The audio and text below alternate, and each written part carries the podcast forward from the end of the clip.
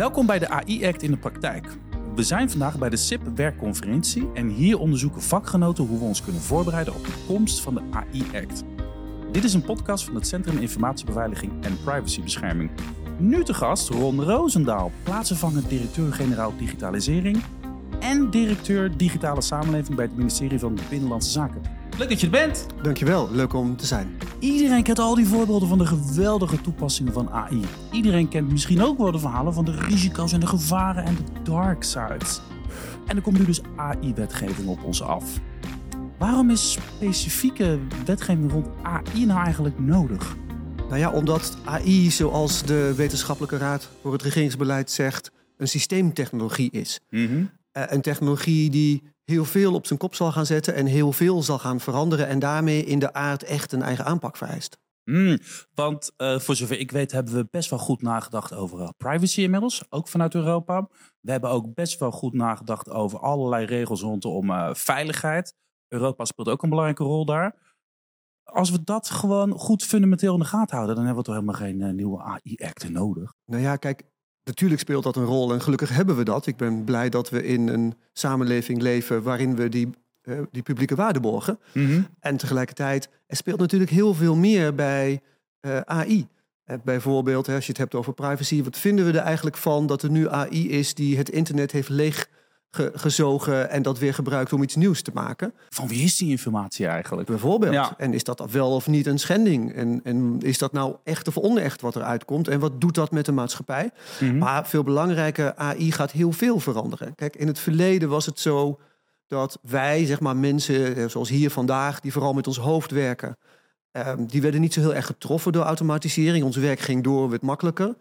Maar ja, misschien kan AI dat wel veel beter. Dus wat gaat het bijvoorbeeld doen met werk en de beroepsbevolking? Ja. En zo heb je heel veel vraagstukken rondom veiligheid. Wat gaat het doen met veiligheid? Wat gaat het doen met desinformatie? Je hebt allemaal vraagstukken waar je over na moet denken. En daar is AI echt, nogmaals, een systeemtechnologie in die zo ingrijpend de samenleving kan veranderen dat dat extra aandacht vraagt. Wat je vaak ziet met dit soort nieuwe technologie is van... Mensen hebben het gevoel, het overkomt ons een beetje. En er wordt ook vaak kritiek geleverd op misschien wel de overheid of pro- professionals. Als ze pas te laat gaan nadenken, wat moeten we er eigenlijk mee? En het leuke van deze conferentie is dat SIP nu gewoon bijna 200 mensen bij elkaar geharkt heeft. Allemaal professionals uit het veld. Die krijgen hiermee te maken. En die zijn nu aan het nadenken aan de voorkant. Wat moeten we daarmee? Ehm, ben je daar blij mee? Ja, ik ben daar heel erg blij mee. En het mooie is, op deze conferentie zitten mensen met allerlei verschillende aandachtsgebieden. Ik vroeg vanochtend wie denkt er vanuit ethiek en er gingen heel veel handen omhoog in de zaal.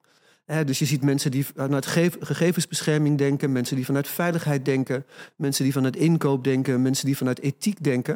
En het is echt heel bijzonder dat we vanuit heel veel publieke waarden vandaag zoveel mensen bij elkaar hebben die nadenken over hoe kunnen wij straks met elkaar de regulering die er aankomt gebruiken om zo goed mogelijke diensten te ontwikkelen en ontwerpen die echt voldoen aan mensenrechten en grondrechten. Nu zit jij best wel in de hoog, hoog in de boom bij eh, BZK. Dus jij kan het speelveld, eh, speelveld misschien goed overzien. Eh, jij hebt misschien ook best wel een goede inschatting wat er allemaal op ons afkomt. Op zo'n dag als vandaag, als al die professionals bij elkaar zitten. Met al die specialismes die jij dan ook hier ziet. Waar vind jij dan dat het over zou moeten gaan? Of misschien anders. Ehm, wat zijn de thema's waarvan jij denkt van... Oeh, dat vind ik eigenlijk best nog wel eens spannend. En als ik die professionals zo bij elkaar zie, dan wil ik ze daarover horen. Ja, kijk, wat ik het allerspannendst vind is niet de individuele verordening. Kijk, wat er op ons afkomt zijn heel veel verordeningen.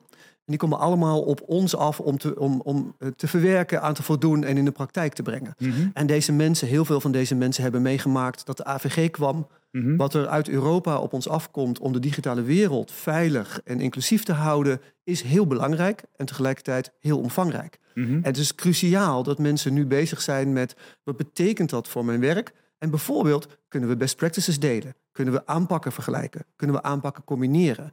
Want het is zoveel om daar chocola van te maken, dat moet je echt samen doen. En heb, heb je dan ook specifieke voorbeelden daarbij? Gaat het dan om bijvoorbeeld, eh, net als bij die privacywetgeving, merk je dat het in de praktijk lastig was om binnen organisaties om daar een vorm voor te vinden, om daar handen en voeten aan te geven? Is, is, is, is dat wat je bedoelt met... Ja, dat gaat nu weer gebeuren. En, Mhm. en om, het gaat nu om veel meer wetgeving waarvan de AI-verordening er één is. Ehm, en wat we bij de AVG zagen is dat het langer duurde voordat het duidelijk was hoe je precies moest voldoen, wat verstandig was om te doen. Dus dat de praktijk zich ontwikkelde. En wat ik hoop is dat we nu, zeker door zo'n conferentie met elkaar zitten en de praktijk aan de voorkant met elkaar vorm gaan geven. En dan krijg je meer handelingsperspectief. Dan weet je wat, wat verstandig is en handig om te doen, zonder dat iedereen in de zaal het wiel zelf moet uitvinden. Hè. Dus samen het wiel uitvinden is volgens mij het allerbelangrijkste om te doen. En maakt het wat dat betreft nog uit dat we nu eigenlijk nog niet precies weten hoe die regelgeving eruit gaat zien? Ah, er komt vanuit Europa nu van alles om ons af. In de Kamer gaan we daar nog over praten met, z'n- met z'n allen. Er gaan nog discussies over gevoerd worden. Dus we moeten dat eigenlijk inhoudelijk nog gaan vormgeven. Maakt dat voor de hoe-vraag van hoe gaan we daarmee dealen nog wat uit, denk je? Nou, maar heel beperkt, denk ik. Allereerst, eh, dit wordt in Europa vastgesteld. Dus de Tweede Kamer stelt deze wet niet vast. Het Europese parlement, ehm, samen met de Europese Commissie en de lidstaten, gaan dit vaststellen. En dat betekent dat het vanaf dat moment wet wordt in alle lidstaten, ook in Nederland, net als de AVG. Ehm, wat wel belangrijk is, is nu al je voorbereiden op datgene wat heel waarschijnlijk zal zijn. Het grootste debat wat nu nog speelt gaat over generatieve AI. Dat zal voor heel veel mensen in de zaal niet het belangrijkste onderwerp zijn de komende jaren. Eh, En de overige stand van de AI-verordening is al een tijdje relatief stabiel. Dus je kunt wel degelijk nu al kijken naar wat is eigenlijk de richting van de wetgeving. Wat zijn de belangrijkste aspecten en hoe ga ik me daarop voorbereiden? Bijvoorbeeld door na te denken over mensenrechten toetsen. Hoe ga ik die doen als ze nodig zijn? Eh, dus er zitten nu al dingen in waarvan je zeker kunt zeggen... die gaan dan wel komen en daar kan ik me ook alvast op voorbereiden. En zie jij dan ook nog verschillen tussen eh, de overheid en, en de rest van de samenleving, zal ik maar zeggen? Want jullie zijn natuurlijk ook keihard aan het werk om te kijken van hoe gaan we dat doen? Jullie moeten straks gaan eh, handhaven als overheid zijnde. De overheid moet ook zelf compliant zijn. Dus die zit natuurlijk op, op, op twee stoelen tegelijkertijd, zal ik maar zeggen. Eh, hoe gaat dat? Nou, wat mij betreft, de belangrijkste rol van de overheid... is hier het goede voorbeeld geven. Mhm. zelf voorop lopen. Eh, want ehm, wij, hebben, eh, wij, wij hebben te maken met gegevens van mensen en processen naar mensen toe die soms heel kwetsbaar zijn. Waarvan we, wij moeten laten zien dat we daar alle mensenrechten, grondrechten, publieke waarden eh, beschouwen en eh, meenemen. Dus cruciaal dat de overheid het zelf goed doet en het goede voorbeeld geeft. En dat zie je nu ook al met het algoritmeregister.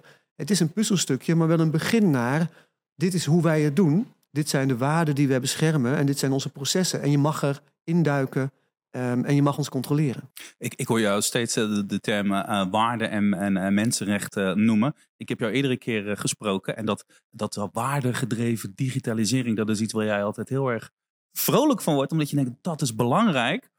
Ehm, welke, welke waarden zijn dat dan eigenlijk? En nu we dan aan de voorkant aan het nadenken zijn hoe we dat gaan doen. Hoe gaan we dat dan daadwerkelijk in die technologie inbouwen? Nou, om eens een paar voorbeelden te geven van dingen die ik heel belangrijk vind, is niemand in de steek laten.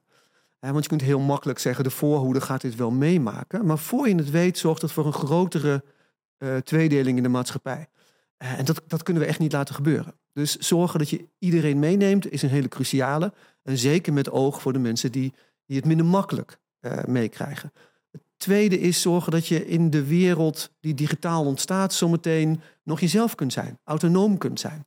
Dat je gegevens niet automatisch overal beschikbaar zijn. Dat niet iedereen alles van je weet. Maar dat je zelf nog regie kunt hebben op hoe je je gedraagt in de digitale omgeving. En tot slot dat je daar ook met vertrouwen jezelf in kunt bewegen. Dat je niet elke keer om je heen hoeft te kijken wie je bespiedt. Dat niet heimelijk allemaal mensen jouw gegevens gebruiken bijvoorbeeld. Maar dat je dus kunt weten bijvoorbeeld hoe de overheid werkt. En je kunt vertrouwen op non-discriminatie als beginsel bijvoorbeeld. Je hebt die, uh, die AI, die zit straks echt overal, hè, zoals je net al omschreef. Uh, hoe alomvattend kan zo'n AI-act eigenlijk zijn? Of, of, of kunnen we, is, moet er nog ruimte zijn om ons te laten verrassen? Want we weten natuurlijk helemaal niet hoe die wereld over 10, 20 jaar eruit ziet. Ja, dat klopt. En tegelijkertijd, dat geldt ook voor privacy. En dat is rel relatief stabiele wetgeving, omdat de principes en de normen in de tijd gelijk blijven. En daar, er is pas ook een, een mooi congres over geweest, dat het relatief stabiel toe te passen valt. Dus ik ben ervan overtuigd dat als we dit goed doen, dat het toe te passen valt op alle vormen van AI, welke zich ook ont, uh, ontwikkelt. Heb je er een beetje zin in? Die toekomst met AI en een AI-act? Nee, ik heb sowieso zin in wat er gebeuren gaat. Hè. Wat je ziet, hè, ik bedoel, als je tien jaar geleden een Xbox had, dan herkende je je beweging al. Hè. Had je, hoef je, hoefde je geen apparaat in je handen te hebben. Wij vinden het nu normaal. Dat is onze telefoon ons gezicht herkent om hem te openen.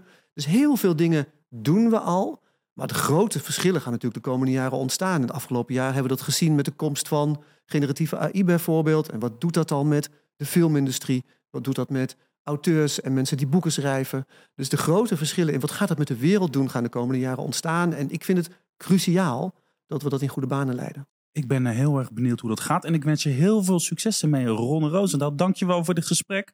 Um, als jij nou die andere podcast wil terugluisteren van al die mensen die hier nu beneden aan het werk zijn, dan uh, kan je dat doen via uh, sip-overheid.nl. Succes! Dankjewel.